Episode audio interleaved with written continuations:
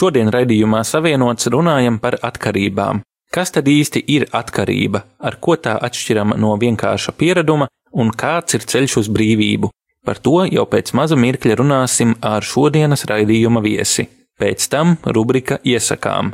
Mani sauc Augusts Kolms, un jūs klausāties Savienots. Esi savienots ar mums, Radio Marija raidījumā Savienots. Raidījums sadarbībā ar Kristīgo portālu Tuvumā.CLV. Uzklausām, vērtējam, izpētām un iesakām. Trešdienās, pulksten piecos pēcpusdienā. Esi savienots!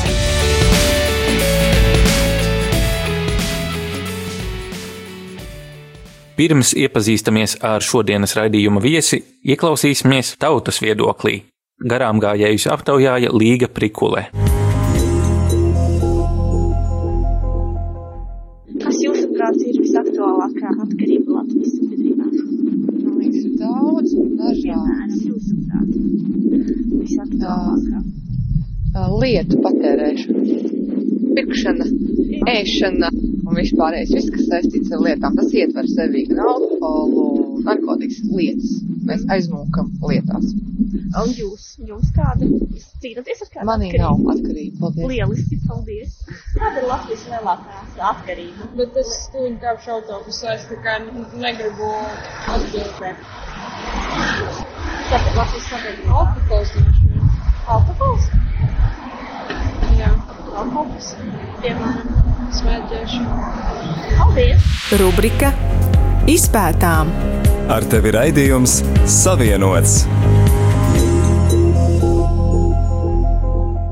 Šodien raidījumā savienots viesojas Māris Čirsons, mācītājs un atkarību terapeits.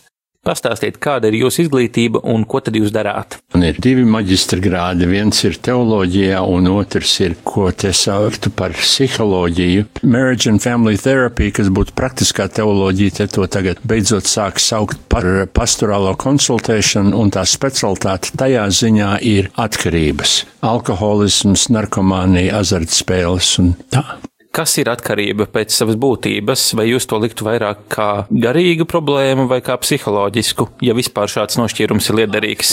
Atkarība ir slimība - fiziska, mentāla un garīga. Šī slimība iespaido šo cilvēku visās trīs dzīves jomās vai dzīves sfērās. Un, ja nepiegriež vērību visām trijām, tad tas, kas nu tiek darīts, tam nekādi ilgtermiņa rezultāti nav. Jo var to cilvēku izskalot, aizved viņu uz ar kačko, pieslēdz pie sistēmas, viņu izskalo, un gan jau viņš tur nosolās, viņš te mūžam vairāk nedzers, tas ir dumības, jo dažas dienas vēlāk viņš ir atkal pilnā. O, va, Pagaidiet, garīgi, nē, nē, nē, mēs taču esam mācījušies zinātnisko ateismu, tātad mēs esam ateisti, nekāda dieva nav. Ateisti tie, kur dzīvo toletē, citādi ateistu nav.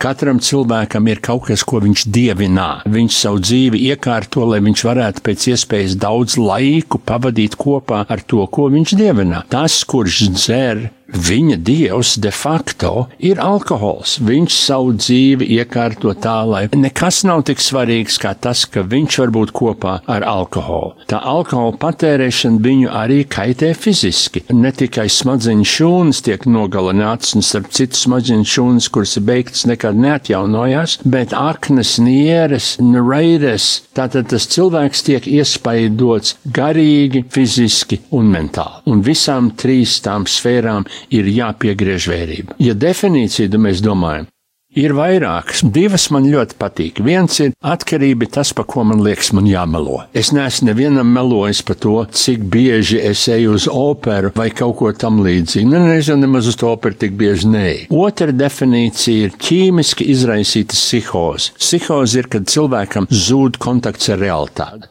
Un viņam tas kontakts ar realitāti zūd tas ķimikālijas dēļ. Ne visas atkarības ir saistītas tieši ar kādu ķimikāliju patērēšanu. Par kādām ķimikālijām būtu runa, ja atkarība ir, teiksim, no azartspēlēm? Ar azartspēlēm ir tā, ka ja ir alkohols un narkotikas, tad tik līdz kā tas cilvēks iedzer vai norīt to pirmo, viņa smadzenes fizioloģiski izmainās. Ar azartspēlēm ir tā, ka viņa smadzenes tāpat izmainās, bet izmainās tajā acu mirklī pirms viņš sāk spēlēt. Tie rezultāti, tas, kā tās smadzenes izmainās, tie rezultāti ir tādi paši. Tātad tajās smadzenēs notiek fizioloģiskas izmaiņas. Bieži mēs dzirdam arī tādu ideju, ka es jau nekļūšu atkarīgs no tā alkohola, jo es nedzeru tik daudz, ka es apreipstu. Vai tā ir pamatot sacīt? Neviens jau nav teicis, es sāku dzert, lai es kļūtu atkarīgs. Tāds neviens nav bijis. Es jau varu kontrolēt, es jau varēšu kontrolēt, un ar to vien, ka es saku, es jau kaut ko varu kontrolēt, es apliecinu, ka es teiktu kaut kas, ko es daru pa daudz.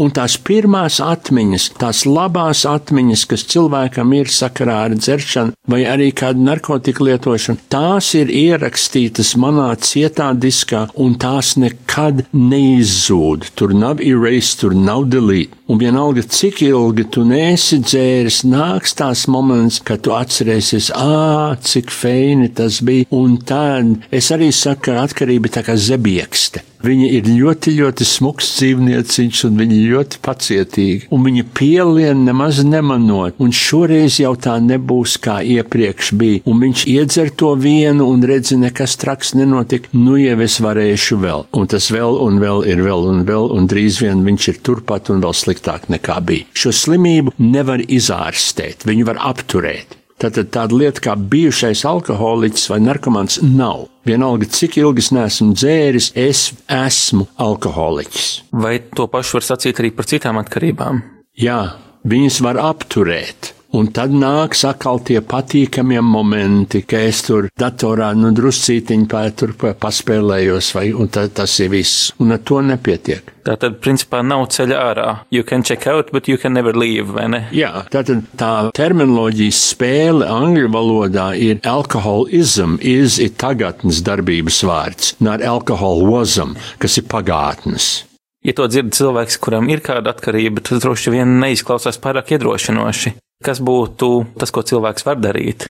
Ko viņš var darīt, ir atzīt sev, ka viņš iepriekš ir mēģinājis kontrolēt un mēģinājis tur noturēties un gājis uz psihoterapiju, un kur, o, tagad mēs izgudrosim, kāpēc tu dzer. Tas, ka mēs izgudrojam, kāpēc es dzeru, nepanāk, ka es tagad vairāk nedzeru. Tas tāpat kā ja man ir tukša. Es nekad neesmu domājis, o, oh, kāpēc tā riepa ir tukša. Es saku, tagad darīsim kaut ko ar šo situāciju. Kas ir, kam ir jānotiek, kas ir tas, kas var notikt, ir, ka tas cilvēks atzīstās, ka es esmu bezspēcīgs pret alkoholu. Latvijā jau ir ļoti modē cīnīties un turēties. Ja es cīnos un turos, ar to jau man liekas, es jau varbūt kaut ko kādreiz panākšu. Ja es atzīstu, ka te ir kaut kas, kas ir stiprāks pa mani, tad es vairs necīnos, es vairs neturos, es padodos. Un tā, ņemot vērā, ka tas ir stiprāks pa mani, nu tad es iemācos iemācos, kā dzīvot no cilvēkiem, kuri to pašu ir izdarījuši, lai es neatsāku dzert vai lietot. Tas ir, ko es varu darīt. Es varu beidzot beigt pats sev melot. Bet tam bija jāiziet cauri, jo es izmēģināju to un to un to, un te jau arī parādās, te parādās kliniska vaiprātība. Kliniska vaiprātība ir, kad cilvēks turpina darīt, ko viņš ir darījis, un sagaida, ka šoreiz rezultāti būs citādi tie rezultāti nebūs citādi. Tāpat kā, ja tu esi pamēģinājis izdzert vienu litru kefīru un uzēst četrus zaļus ābolus virsū, tie rezultāti ir ļoti koši vai krāšņi.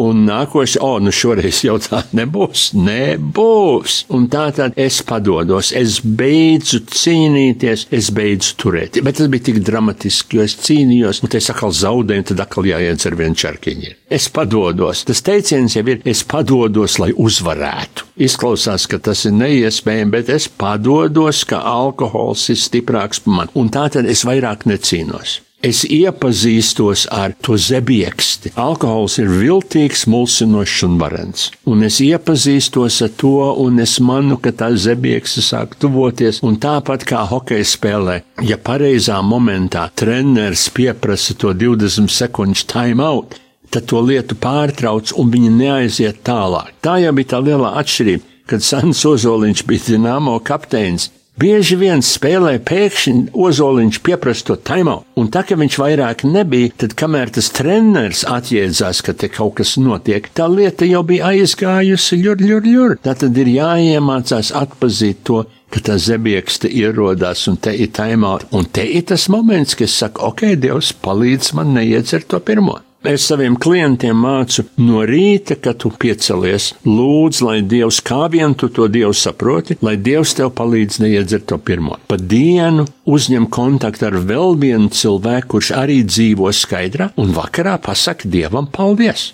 Un tad, kad tu rīt no rīta pamodīsies, tu sāc to pašu. Šodien man ir šodien jānodzīvo skaidrā, lai es rītdien atkal varētu dzīvot skaidrā. Un ja šodien ir pagara, tad šī stundā, šī momentā. Tas ir, ko mēs mācām, jo tas ir, kas strādā. Minnesotas programma, starp citu, es esmu tas, kas Minnesotas programmu atved uz Latviju. Minnesotas programma izaug no tā, ko piedzīvo anonimie alkoholiķi. Proti, tā slimība ir stiprāka par mani. Es beidzu cīnīties, es to izmēģināju, tā lieta nestrādā. Tagad kā es ar to sadzīvošu? Es atpazīstu to viltīgumu.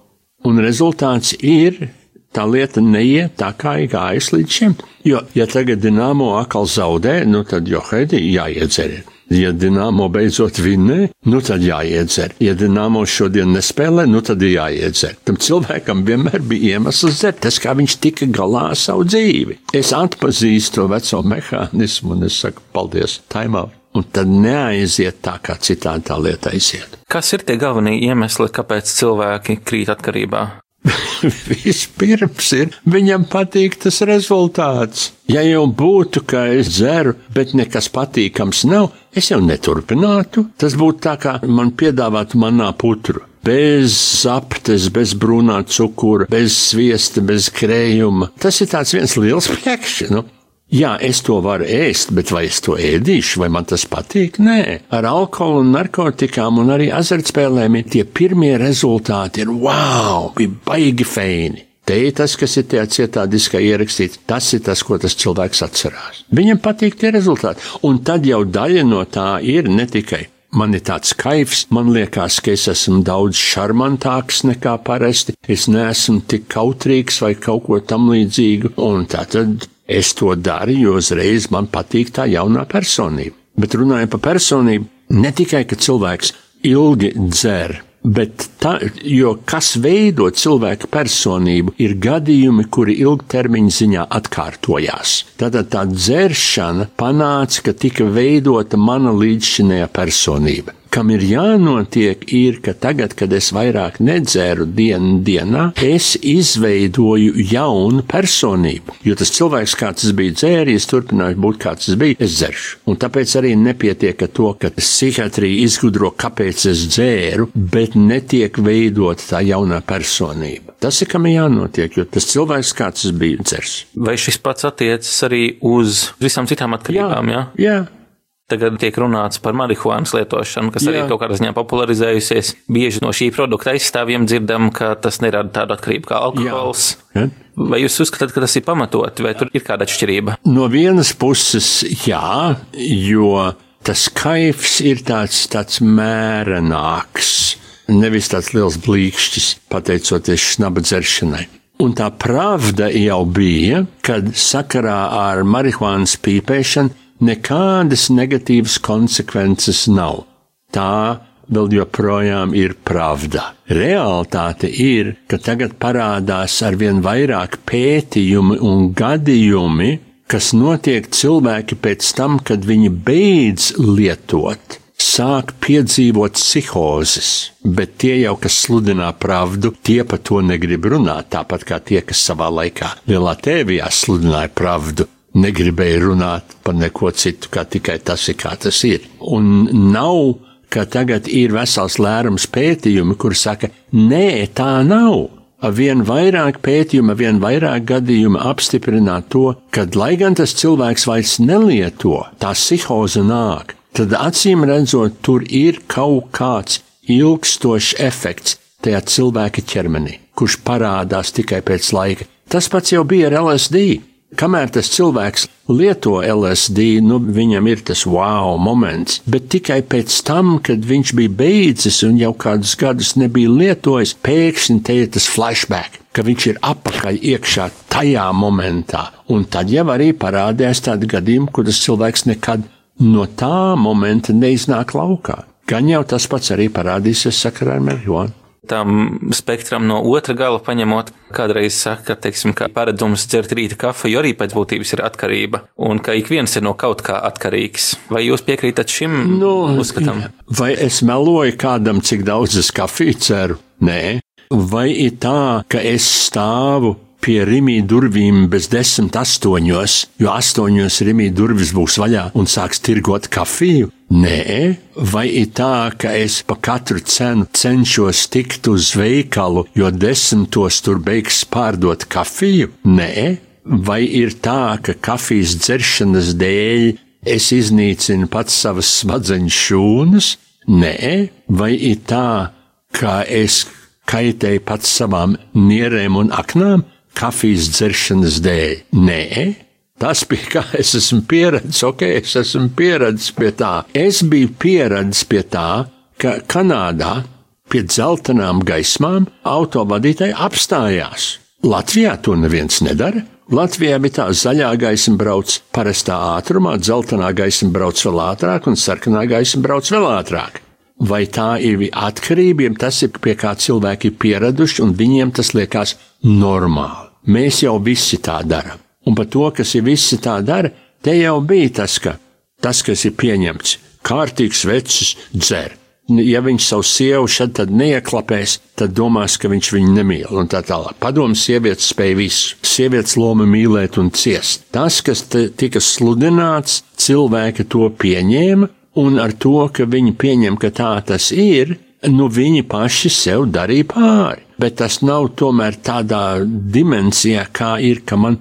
Es jau nesaku, nu, mēs tagad varētu, ja man vajag. Ja? Vai es esmu kādreiz teicis, ka man vajag creme brulee, jeb austerus? Nē, man, man, man gribās, man patīk, bet nav, ka man to vajag.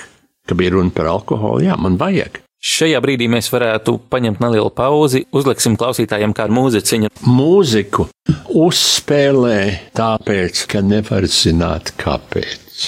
Tajā ziedoņa piemiņas koncertā tā parādās. Es, es tam ziedonim gadus atpakaļ teicu, Imants, es to tavu vienu dziesmu spēlēju saviem klientiem, šito, kāpēc, un Imants tā pasmaidījums teica, Mārīt, vai dieviņ, redz, cik zem es esmu nonācis.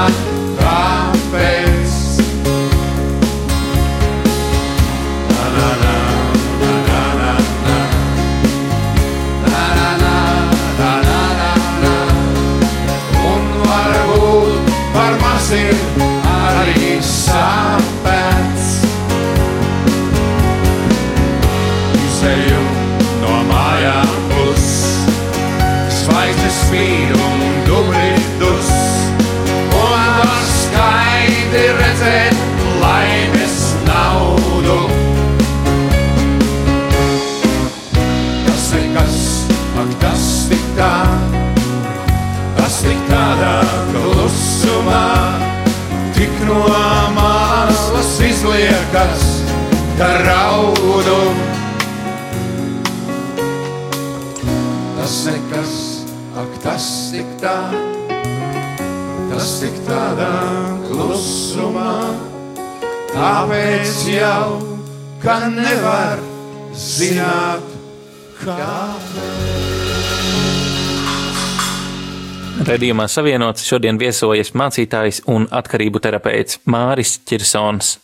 Te ir tas, ka Latvijā vēl joprojām, kāpēc, kāpēc, kāpēc, kāpēc. Ja tu izgudro, kāpēc tas nemaina to situāciju, kura ir, tagad ko mēs ar to darīsim? Tas ir kā Boņuks saka, tas suns ir aprakts. Kāda būtu jūsu atbilde, ko tad darīsim? Ko mēs darīsim? Numur viens - atzīsimies, ka esam bezspēcīgi pret alkoholu un iesaistīsimies tajā kustībā, kura tagad šovasar svinēs 85 gadus, proti, anonīmie alkoholiķi, kā tad apturēt to līdzšinējo dzeršanu un kā attīstīt to jauno personību, attīstīt jauno dzīves stilu. Kas arī no šīs programmas izauga, ir tas, ko, kā es teicu, ko es uz Latviju atradu Minnesotas programmu, ka to, ko tu ar laiku iegūsi vienkārši ejot uz anonīmu alkoholiķu sapulcēm, to tajā Minnesotas programmā to pamatu tev ieliks īsākā laikā, koncentrētākā veidā.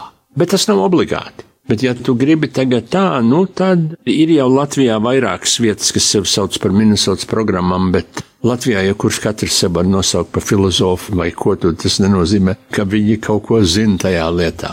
Tomēr gadu tecējuma, piemēram, tāda kodēšanās vai kaut kas tam līdzīgs, Amerikā un Kanādā neviens par to nemaz nedomā. Latvijā vēl, diemžēl, ir tādi doktori, kuri to turpina darīt. Kad jūs sakāt kodēšanās, ko jūs ar to domājat praksē, kā šāda terapija izskatītos? Tad, tad viņam vai nu tur iešuja kaut kādu tur ampulu, ja liek dzert kaut kādas kapsulas, un tā, nu, tagad tu nedrīkst dzert. Nu, tev ir jāturās. Mēs esam apakaļ pie turēšanās, pie cīnīšanās. Un man, piemēram, ja man saka, tu kaut ko nedrīkst darīt, ja tu nevari darīt, es uzreiz sāku izgudrot, kā es to izdarīšu. Es esmu pie apkārt pie turēšanās. Te ir pazudis tas padošanās elements. Anonīma alkoholiķa pirmais solis ir, mēs atzināmies, ka mēs esam bezspēcīgi pret alkoholu un ka mūsu dzīves ir kļuvušas nevadāmas. Pateicoties tam alkoholam. Un ja kaut kas ir stiprāks par mani, es pret to necīnos. Tas ir, ko es iesaku darīt. Ja tev pietiek ciest, tad padodies. Paskaties internetā, kur ir anonīmie alkoholiķi, jeb arī paskaties internetā akronu 12 vecmilgrāvīs, zvani man. Es tev stāstīšu to, ko es zinu, ka tā lieta strādā. Te nav nekāds šarlatānisms, te nav nekāda hipnoze vai kaut kas tam līdzīgs. Šī ir garīga programma. Kad jūs sakāt garīga programma, ko tas nozīmē? Garīgums ir nesataustāma realitāte. Tātad tu nekad neesi sataustījis mīlestību, tu nekad neesi sataustījis prieku, Tu nekad neesi sataustījis skumjas, bet tu esi tās piedzīvojis. Un tu esi piedzīvojis to, ko tev deva alkohols, garīgā ziņā. Tagad tev būs iespēja piedzīvot to, ko tev dod šī programma. 80. jubileja anīmiem alkoholiķiem bija Atlantā pieci gadi atpakaļ, un tur mēs bijām kopā 65 tūkstoši cilvēku skaidrā. Tas ir garīgums, tas ir brīnums. Šie ir tie cilvēki, kas zina, ko nozīmē augšām celšanās, jo viņi ir bijuši beigti, un pateicoties dieva žēlastībai un anonīmo alkoholiķu sadraudzībai, viņi šodien ir dzīvi. Te ir garīgums. Piedaloties šādā programmā, ko tieši cilvēks varētu piedzīvot, ko sagaidīt uz tādējot? Ko viņš piedzīvos, ir, ka mēs dalāmies mūsu piedzīvojumos, spēkā un cerībā. Tie piedzīvojumi, lai gan es ilgu laiku nesmu dzēris, un tas ir dzēris tikai līdz pagājušajai nedēļai vai ko, tās sekas, lai gan es nekad neesmu dzēris Rīgā, un lielākoties no cilvēkiem, ar kuriem man darīšana, tie nav dzēruši Čikāgā. Bet tās sekas, vienalga, kur es dzēru, cik ilgi apakaļ es dzēru, ir tādas pašas. Nu, ja kā vecos laikos teica, ja tie sūdi ir tādi paši, nu tad es dzirdu, ko viņi tādā sakarībā ir darījuši. Mani piedzīvojumi ir bijuši negatīvi, bet viņu piedzīvojumi tagad pēdējos gados, cik nu ilgi skaidrā, ir wow! Un tā tad ja tas, kas notika pateicoties dzeršanai, bija tāds pats, nu tad es uzdrīkstos ticēt, ka, ja es darīšu to pašu, ko viņi dara, es piedzīvošu tādus pašus rezultātus. Es varu vienmēr iet atpakaļ uz to veco. Nav, ka tu tagad nekad nevarēsi dzert. Es saku, pamēģini deviņas dienas, ja tev nepatīk, ej atpakaļ dzeršana.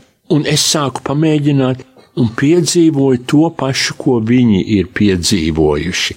Kā tad to es kopēju to, ko viņi dara? To, ko man mācīja, to es daru vēl joprojām. Un te ir tas no rīta lūdz, lai Dievs tev palīdz neiedzert to pirmo, pa dienu uzņem kontaktu ar vēl vienu cilvēku, kurš ir skaidrā, un vakarā pasaka Dievam paldies. Un tu rīt no rīta varēsi izvēlēties to pašu. Tas ir, ja tev pietiek ciest. Ja tev vēl nepietiek ciest, turpini, turpini paliks sliktāk. Nu, tad varbūt tad tev būs pietiekuši slikti, ka tu padosies, un tādā veidā tu uzvarēsi. Vai šie paši principi būtu attiecināmi arī uz citu veidu atkarībām? Jā, jā, ir anonīmie narkomāņi, anonīmie spēlmaņi, anonīmie toksikomāņi. Tas ir atkarība, ir atkarība, ir atkarība. Un Latvijā tagad arī ir anonīma narkomānu sapulces un spēlmaņu sapulces un tā. Kādas šīs programmas attiecības ar kristietību, cik nozīmīga ir piedarība kristīgai ticībai? Nav nozīmīgi, jo tā literatūrā Dievs komands, kā mēs viņu sapratām. Ja tu Dievu saproti kā Kristu, ok, ja tu Dievu saproti kā kaut kādu svēto ozolu, ok, ja tu sinonīms jau arī ir augstākais spēks. Tas augstākais spēks var būt šī programma, šī garīgā programma, kas tev strādā ļoti labi kas bieži notiek, ir, ka cilvēks, pateicoties tam, ka viņš tagad šādu garīgu pārorientēšanos piedzīvo, viņš arī iesaistās baznīcā. Man, man tas, tas piemērs ir, man Filadelfijā vienu rītu zvana telefons, un viens jauneklis saka, mācītāji, tas, pa ko tu vakardien manas mātes bērēs stāstīji, mani mudināja tev piezvanīt, un es gribu tev parunāties, jo es pa daudz dzeru. Es domāju, jo, Haidī, ko tagad es esmu pērējis tur par, par atkarību? Nē, es biju runājis par to, ka pēc tam, ka Jēzus bija beigts, viņš bija dzīves pateicoties Dieva žēlastībai. Un viņš tad iesaistījās, viņš aizgāja uz rehabilitāciju, uz Minnesotas programmu, turpināja anonīmos alkoholiķos, un mēs jau par to bieži vien smējāmies, ka viņš pēc kāda laiciņa man bija draudzes pērminders. Tad viņš pēc kāda laiciņa bija Filadelfijas Latviešu kreditbiedrības aizdevumu komitejas priekšnieks. Tāds, kam neviens neko neusticējās savā laikā, tagad ir tik radikāli izmainījies, ka Filadelfijas latvieši viņam uztic savu naudu. Te viņš bija tāds, tagad viņš ir tāds pateicoties šai programmai. Vai tas notiek Latvijā, vai tas notiek Filadelfijā, vai kaut kur tam līdzīgi, tas notiek. Un ja cilvēks grib iesaistīties baznīcā, ļoti labi. Ja ir tā, ka tas dogmātisms, kurš dažās baznīcās ir tas galvenais, viņu no turienes atbaida, Nevis, ka tas galvenais ir iespēja dzīvot pēc miršanas, pateicoties Dieva žēlastībai, nu tad varbūt, lai viņš meklē kādu citu konfesiju. Man bieži iznāk dzirdēt, vajag tikai gribas spēku. Un mana atbilde te ir nākošais, ka tevi caurēji pamēģini to kontrolēt ar gribas spēku. Un tie rezultāti būs tādi paši. Šī ir slimība. Šī nav kaut kāda garīga vājība, šis nav kaut kāds rakstura trūkums. Šie cilvēki, viņiem ir varens raksturs. Viņi neatlaidīgi turās, cīnās ar kaut ko gadiem ilgi. Šī ir fiziska, mentāla, garīga slimība. Un, ja tā ir slimība, tad es sev nepārmetu. Vai dieviņ, kā es atkal tā varēju darīt, un ja es pietiekoši sev pārmetu, tad drīz vien es esmu nelaimes čupiņš, un nelaimes čupiņisms panāk to, ka man atkal jāiedzer, kā tad es citādi to sadzīvošu. Te ir slimība, viņa ir apturēta, un te es zinu, ko darīt, lai viņi atkal neatdzīvojās, lai viņi neuzliesmojās. Ja viņi kaut kur parādās, es arī zinu, ko darīt, te ir tas time out moments. Un es saku, ok, Dievs, palīdz man neiedzert šī momentā. Un cik reizes esmu to teicis, es neesmu iedzēris šī momentā. Tā tā lieta strādā. Ja viņš strādā, nevajag viņu čakarēties. Kādu padomu jūs dotu pusauģu vecākiem, kuri baidās, ka viņu atvases tagad sāks atrodot kādas jaunas draugus, jaunas kompānijas, izējot mazliet no šīs vecāku ietekmes sfēras, varētu gūt kādu sliktu paradumu, kas beigās pārtaptu atkarībā? Jā, Viens ir nedraudi tiem pusauģiem, jeb sievām, nedraudi savam vīram kaut ko, ja tu neesi gatavs to darīt. Tātad, ja tu tam bērnam pasaki, ja tu atkal atnāks mājās sapīpējies, tad es tev nelaidīšu vakaros laukā vai ko tur, un drīz vien viņš jau tur raud un ko tur, un atkal viņu, viņu izlaiž laukā.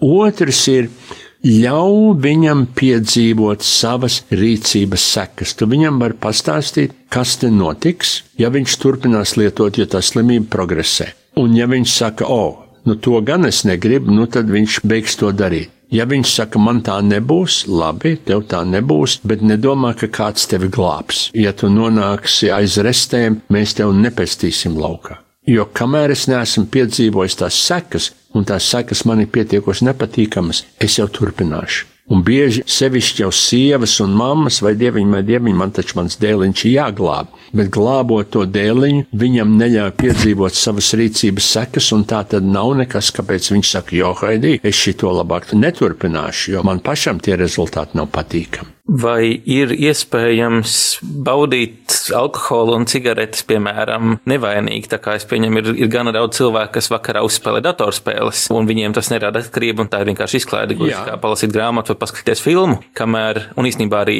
piemēram, seriālu skatīšanās var kļūt par atkarību tomēr. Tā kā, nu, man tas jautājums ir, vai ar visu ir tā, ka labāk nemaz nesākt, jo atkarība Ne, nu, praktiski kas, vai ne? Ja, ja ir tā, ka cilvēks vakarā iedzer to vienu vīna glāzi, un tas viņam dod kaut kādu labsajūtu, un ar to pietiek, nu tad lai viņš turpinā. Bet, ja ir tā, ka es jau sāku domāt par to vīna glāzi pulkstens četros, un es būšu mājās sešos, un ja tagad man kāds klients ierodās piecos, un es piecos biju domājis braukt projām, tad es esmu ļoti neapmierināts, jo viņš tagad traucēs man to vīna glāzes baudīšanu, nu tad tur jau tā lieta vairāk nav veselīga.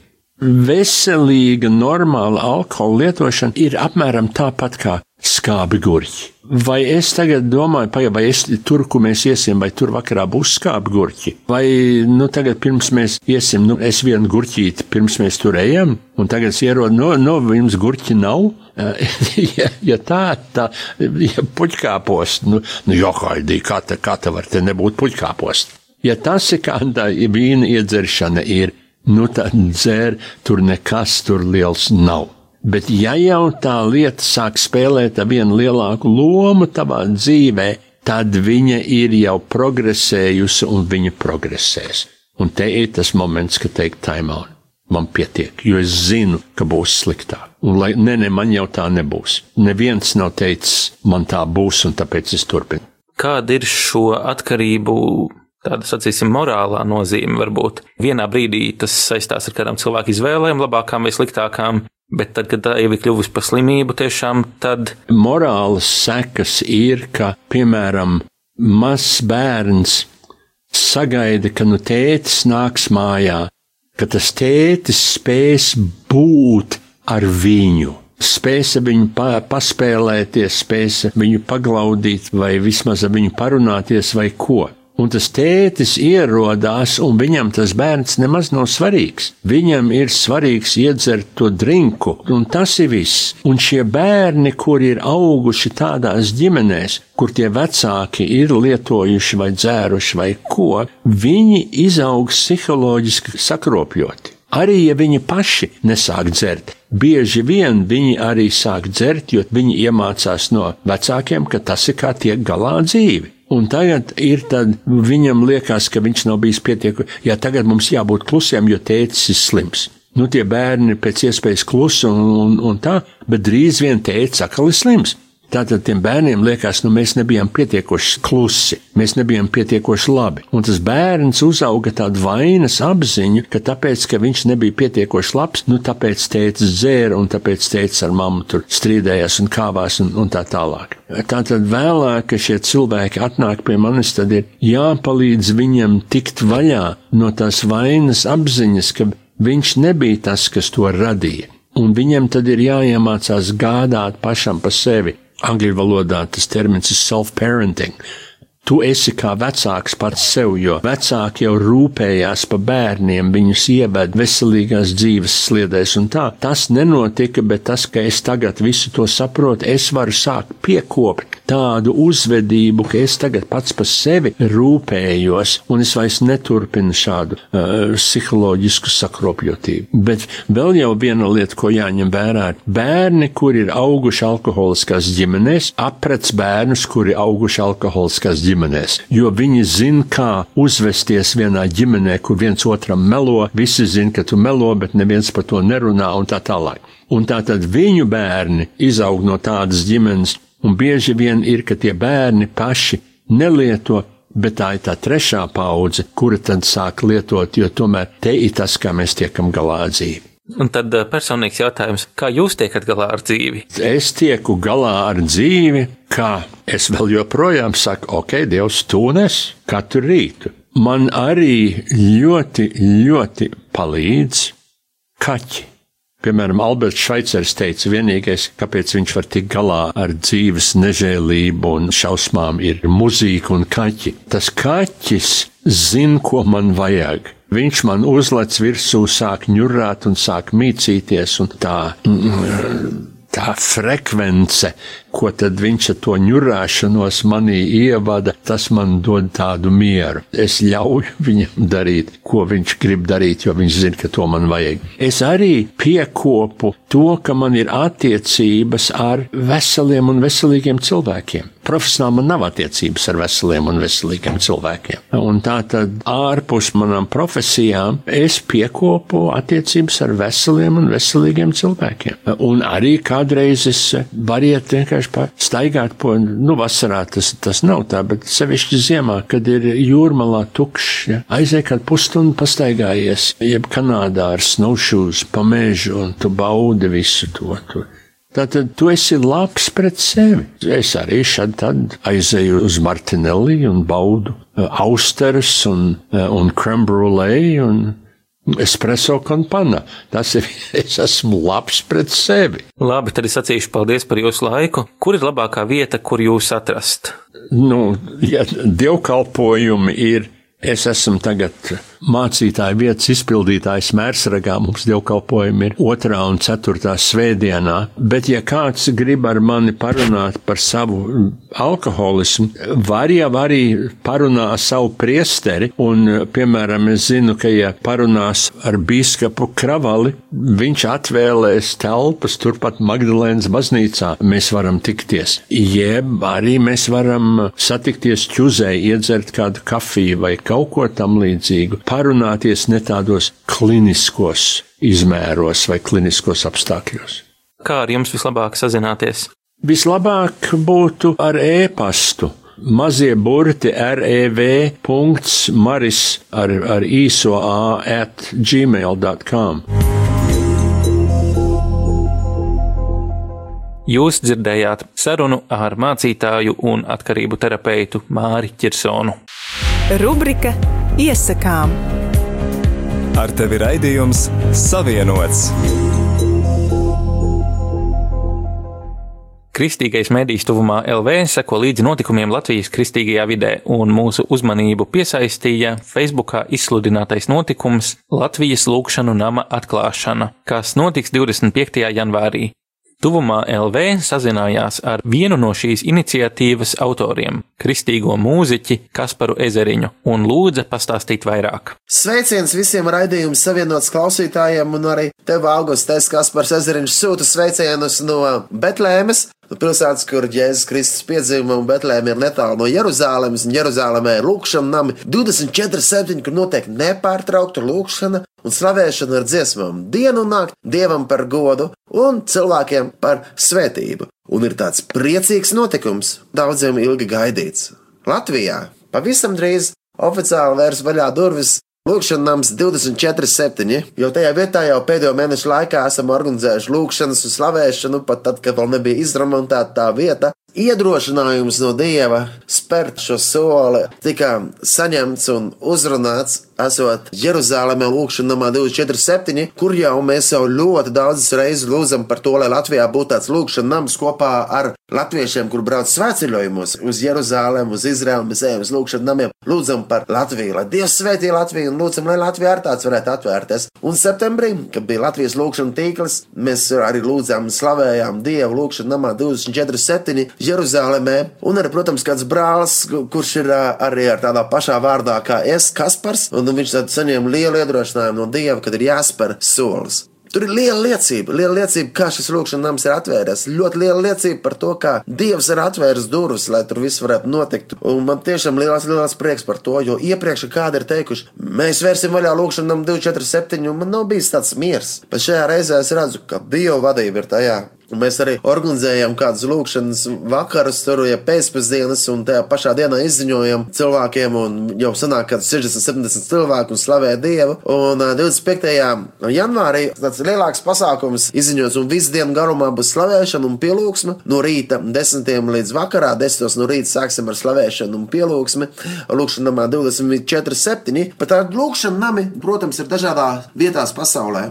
Tie ir dažādos formātos, ir dažādos lielumos un dažādos veidos, bet galvenā būtība ir tā, ka tā ir vieta, kur notiek nepārtraukta un nemitīga lūkšana. Daudz vietā Tas ir ar dziesmām, un nepārtraukta slavēšana un pielūgsme. Protams, pielūgsme slavēšana nav tikai dziesma, mūzika, tā var būt arī vārdu lasīšana. Un, protams, pielūgsme slavēšana ir visa dzīve, ka mēs izējām laukā no lūkšanas nama mēs dzīvojam, nesam gaismu ar citu. Bet arī Bībele mūs iedrošina nemitīgi lūgties. To arī Pāvils raksta Efeziešiem. Ar visām lūkšanām, lūgumiem lūdziet Dievu garā ik brīdi. Arī citu vietu viņš raksta: lūdziet pastāvīgi, esiet pastāvīgi lūkšanās, nepagurstiet lūkšanās. Un ar Jēzu mums iedrošina lūdziet, tad jums taps dots. Un tā ir tāda brīnišķīga iespēja, ka mēs Latvieši, Latvijā, ne tikai latvieši, bet arī visas citas tautas varēs sanākt kopā uz lūkšanām, kur notiek nepārtraukta lūkšana 24-7. Dargie radio klausītāji, vēlos pateikt, ka pielūgsme tās ir attiecības ar Dievu. Un arī Dieva vārds saka, baudiet un redziet, cik labs ir Dievs. Ar tādu lūkšanu nams ir brīnišķīgi iespēja, sanātu kopā un baudīt to, cik labs un brīnišķīgs ir Dievs.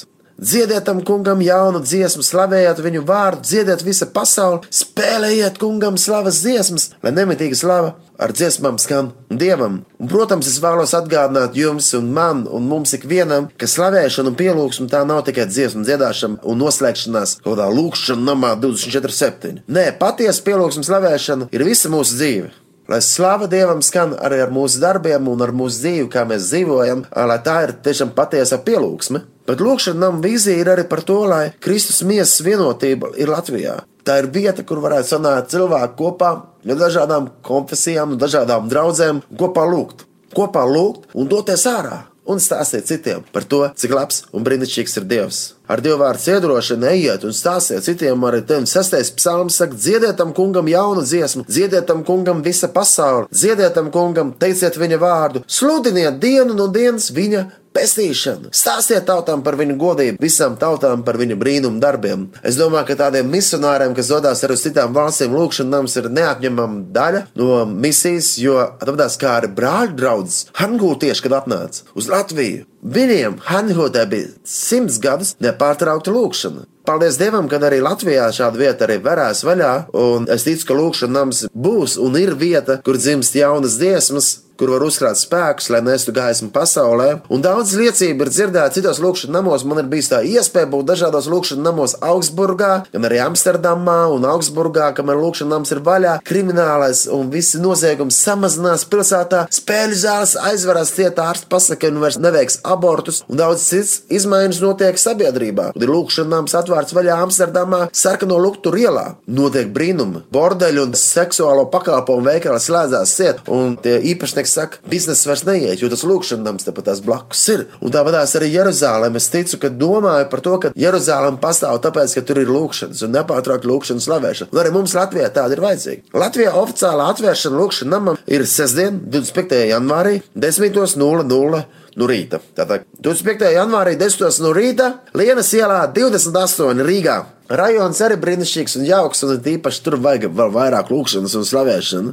Un patiesībā pirms jau atverās šī vieta vaļā, mums jau pēdējo mēnešu laikā ir notikušas vairākas reizes ar kādu lūkšanu, slavēšanu vakaru. Cilvēki sanākuši kopā un slavējuši Dievu pat vēl tad, kad nebija izremontēta vieta, bet prieks, ka ar tādu lielu svētku sajūtu 25. janvārī 10.00 no rīta Lienas ielā 28 Rīgā varēsim atvērt šo namu, pulcināt visu dienu garumā uz slavēšanu un lūkšanu. Jā, vīzija ir tāda, ka tajā vietā varētu būt nepārtraukta slavēšana un lūkšana 24, 7. Iespējams, sākumā būs kāda vakara tikai ar laiku, varbūt nāks vairāk un vairāk kalpotāji, kas to darīs. Iespējams, nevienmēr būs mūzika, kādreiz kāda uzliks mūziku un vienkārši lūksies un lasīs Bībeli. Tas ir brīnišķīgi, kad ir mūziķi un kad ir slavēšana, kas notiek 24, 7 un vienmēr notiek, un ka cilvēkiem nav jādomā, kad ir notiks kāds slavēšanas vakars vai kāda slavēšanas pēcpusdiena, jo vienmēr viņi zina, ka tur notiek, jebkurā brīdī var aiziet, un cilvēkam nav ar uztraukums aiziet prom, jo neviens neskatīsies, kāpēc viņš aiziet projām, ja vēl nav pasākums beidzies. Jo īstenībā tur pasākums nekad ir nebeidzās, un tas notiek nepārtraukti dienu un nakti dievam par godu un cilvēkiem par svētību. Tā kā aicinu 25. janvārī 10.00 Lienas ielā 28 Rīgā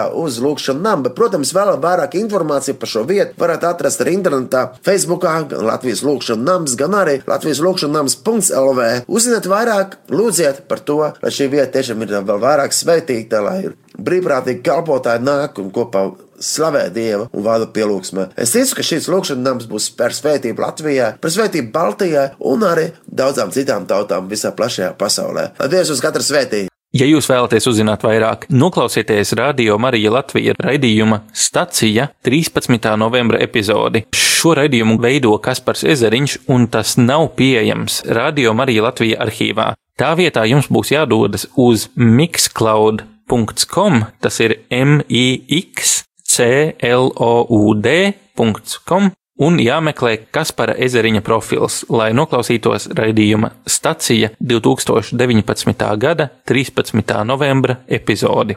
Latvijas lūkšanu nama atklāšana notiks sestdien, 25. janvārī no 10. rītā līdz 8. vakarā Lienas ielā 28 Rīgā. Piedalīsies dažādi kristīgi mūziķi, viņu vidū arī Valdis Indrišonoks, Anete Kozlovska un Kaspars Ezeriņš. Vairāk informācijas, arī pilnu programmu var atrast meklējot Facebookā Latvijas lūkšanu nama atklāšana. Runājot par Facebooku, noteikti aicinu sekot kristīgiem mēdījiem tuvumā LV. Mūs var atrast ne tikai Facebookā, bet arī Twitterī kā attuvumā, arī raidījumu savienots kā attsavienots, un mani pašu kā atkolms, tas ir KOLMS. Ja jums ir kādas pārdomas vai idejas saistībā ar raidījumu, droši rakstiet sociālajos tīklos vai uz e-pasta adresi savienots at tuvumā LV. Mēs vienmēr priecājamies par klausītāju atsauksmēm un iesūtītajām idejām. Atgādinu, ka raidījumu ierakstus no iepriekšējām reizēm var dzirdēt Radio Marija Latvija arhīvā, kā arī platformā Apple Podcasts, gan telefonā, gan datorā. Iepriekšējā raidījumā viesojās profesors Valdis Muktupāvels, un mēs runājām par tautiskajām tradīcijām Ziemassvētku kontekstā, bet ne tikai. Ja jūs nedzirdējāt šo raidījumu vai kādu citu no šīs vai iepriekšējās sezonas raidījumiem, jums ir iespēja to sameklēt un noklausīties. Meklējiet raidījumu savienots, kur jūs klausāties podkāstus. Mani sauc Augusts Kolums, jūs klausījāties raidījumu savienots, uz tikšanos nākamajā raidījumā 29. janvārī.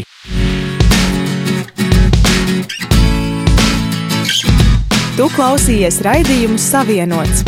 Būsim atkal ēterā trešdien pulksten piecos pēcpusdienā. Klausies mūsu radio Marija un lasi kristīgo portālu tuvumā.lv. Esi savienots!